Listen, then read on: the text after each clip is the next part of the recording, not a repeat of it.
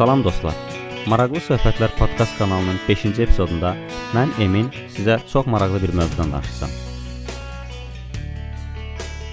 Tesey paradoksu. Son zamanlar çox tez-tez rastlaşdığımız, həddən artıq müzakirə olunan və insanların istər aldıqları məhsullarda, istər incəsənət əsərlərində, istərsə də tarixi əşya və obyektlərdə ciddi fikir verdiyi faktorlardan biri də orijinallıqdır. Bəs orijinallıq dedikdə konkret nə nəzərdə tutulur? Bu fikir hətta qədim zamanlarda da filosofları düşünməyə vadar etmişdi. Qədim Yunan əfsanəsinə görə Tesey adlı qəhrəman Krit adasına gedərək orada Minotavrı məğlub etmişdi. Afinaya qayıtdıqda isə Afinalılar Teseyin qəhrəmanlığının şərəfinə onun gəmisini tarixi abidə kimi qorumaq qərarı alırlar. Lakin gəmi taxtadan olduğu üçün zamanla çürüməyə başlayır. Buna görə də Gəmi təmir olunduqca tədricən gəmidəki taxta lövhələr yeniləri ilə əvəzlənir. Bəlli bir zaman keçdikdən sonra isə gəmi tamamilə yenilənmiş olur. Bu zaman bir sual ortaya çıxır.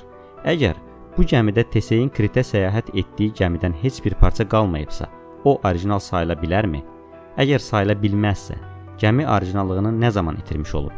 İlk taxta dəyişilərkənmi, yoxsa sonuncu parça dəyişilərkən? Sualı daha da qəlizləşdirək. Əgər hər dəfə gəmi təmir olunarkən atılan taxtaları bir şəkildə toplayıb onlardan gəmi düzəltmək mümkün olsaydı, o zaman həmin ikinci gəmi də orijinal sayılardımı? Bu halda iki gəmi öz aralarında bərabər sayılardılar və nə qədər paradoksal səslənsə də, eyni predmetin iki orijinalı olmuş olardı. Filosoflar bunu Teseyin gəmisi paradoksu və ya qısaca Tesey paradoksu adlandırırlar. Tesey paradoksuna aid çox sayda misallar gətirmək mümkündür. Yəqin ki, bir çoxunuz səyahət etməyi sevirsiniz. Aranızda Avropa ölkələrində olanlar var və oradakı möhtəşəm tarixi tikililəri görmüsünüz. Amma bir çox insan bilmir ki, 2-ci Dünya müharibəsi vaxtı Avropanın əksər şəhərlərindəki tarixi binalar qismən və ya tamamilə dağıdılmış və sonradan bərpa olunmuşdu. Məsələn, Budapeşt şəhərindəki gözəl tarixi tikililərin əksəriyyəti sonradan tikilmişdir. Drezden şəhəri isə müttəfiqlərin bombardmanı nəticəsində demək olar ki, yer üzündən silinmişdi. Yaxın keçmiş olan 2019-cu ilin aprel ayında isə 700 illik tarixə malik Paris Notre-Dame kilsəsi yanğın nəticəsində demək olar ki, tamamilə məhv oldu və hesablamalara görə onun tam bərpasına 15 il zaman lazım gələcək.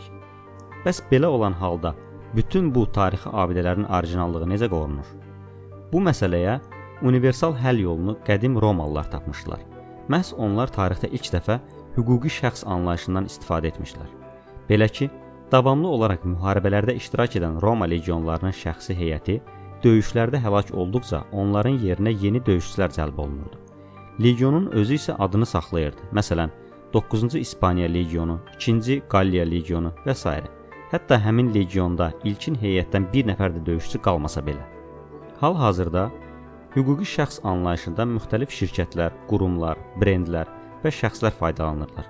Bu prinsiplə hansısa musiqi qrupunun bütün üzvləri dəyişilsə belə, qrup adını saxlayır və ya futbol klubları bir neçə il ərzində bütün heyət oyunçularını dəyişərək eyni adı daşımaqda davam edirlər.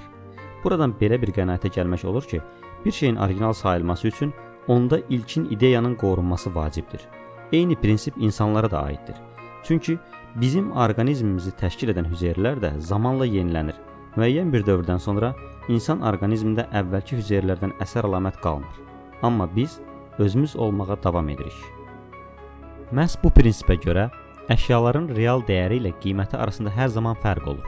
Bəs sizcə əşyaların mənəvi dəyəri bu qədər önəmlidirmi və orijinallığa görə əşyalara yüksək qiymət qoymağın bir əsası varmı?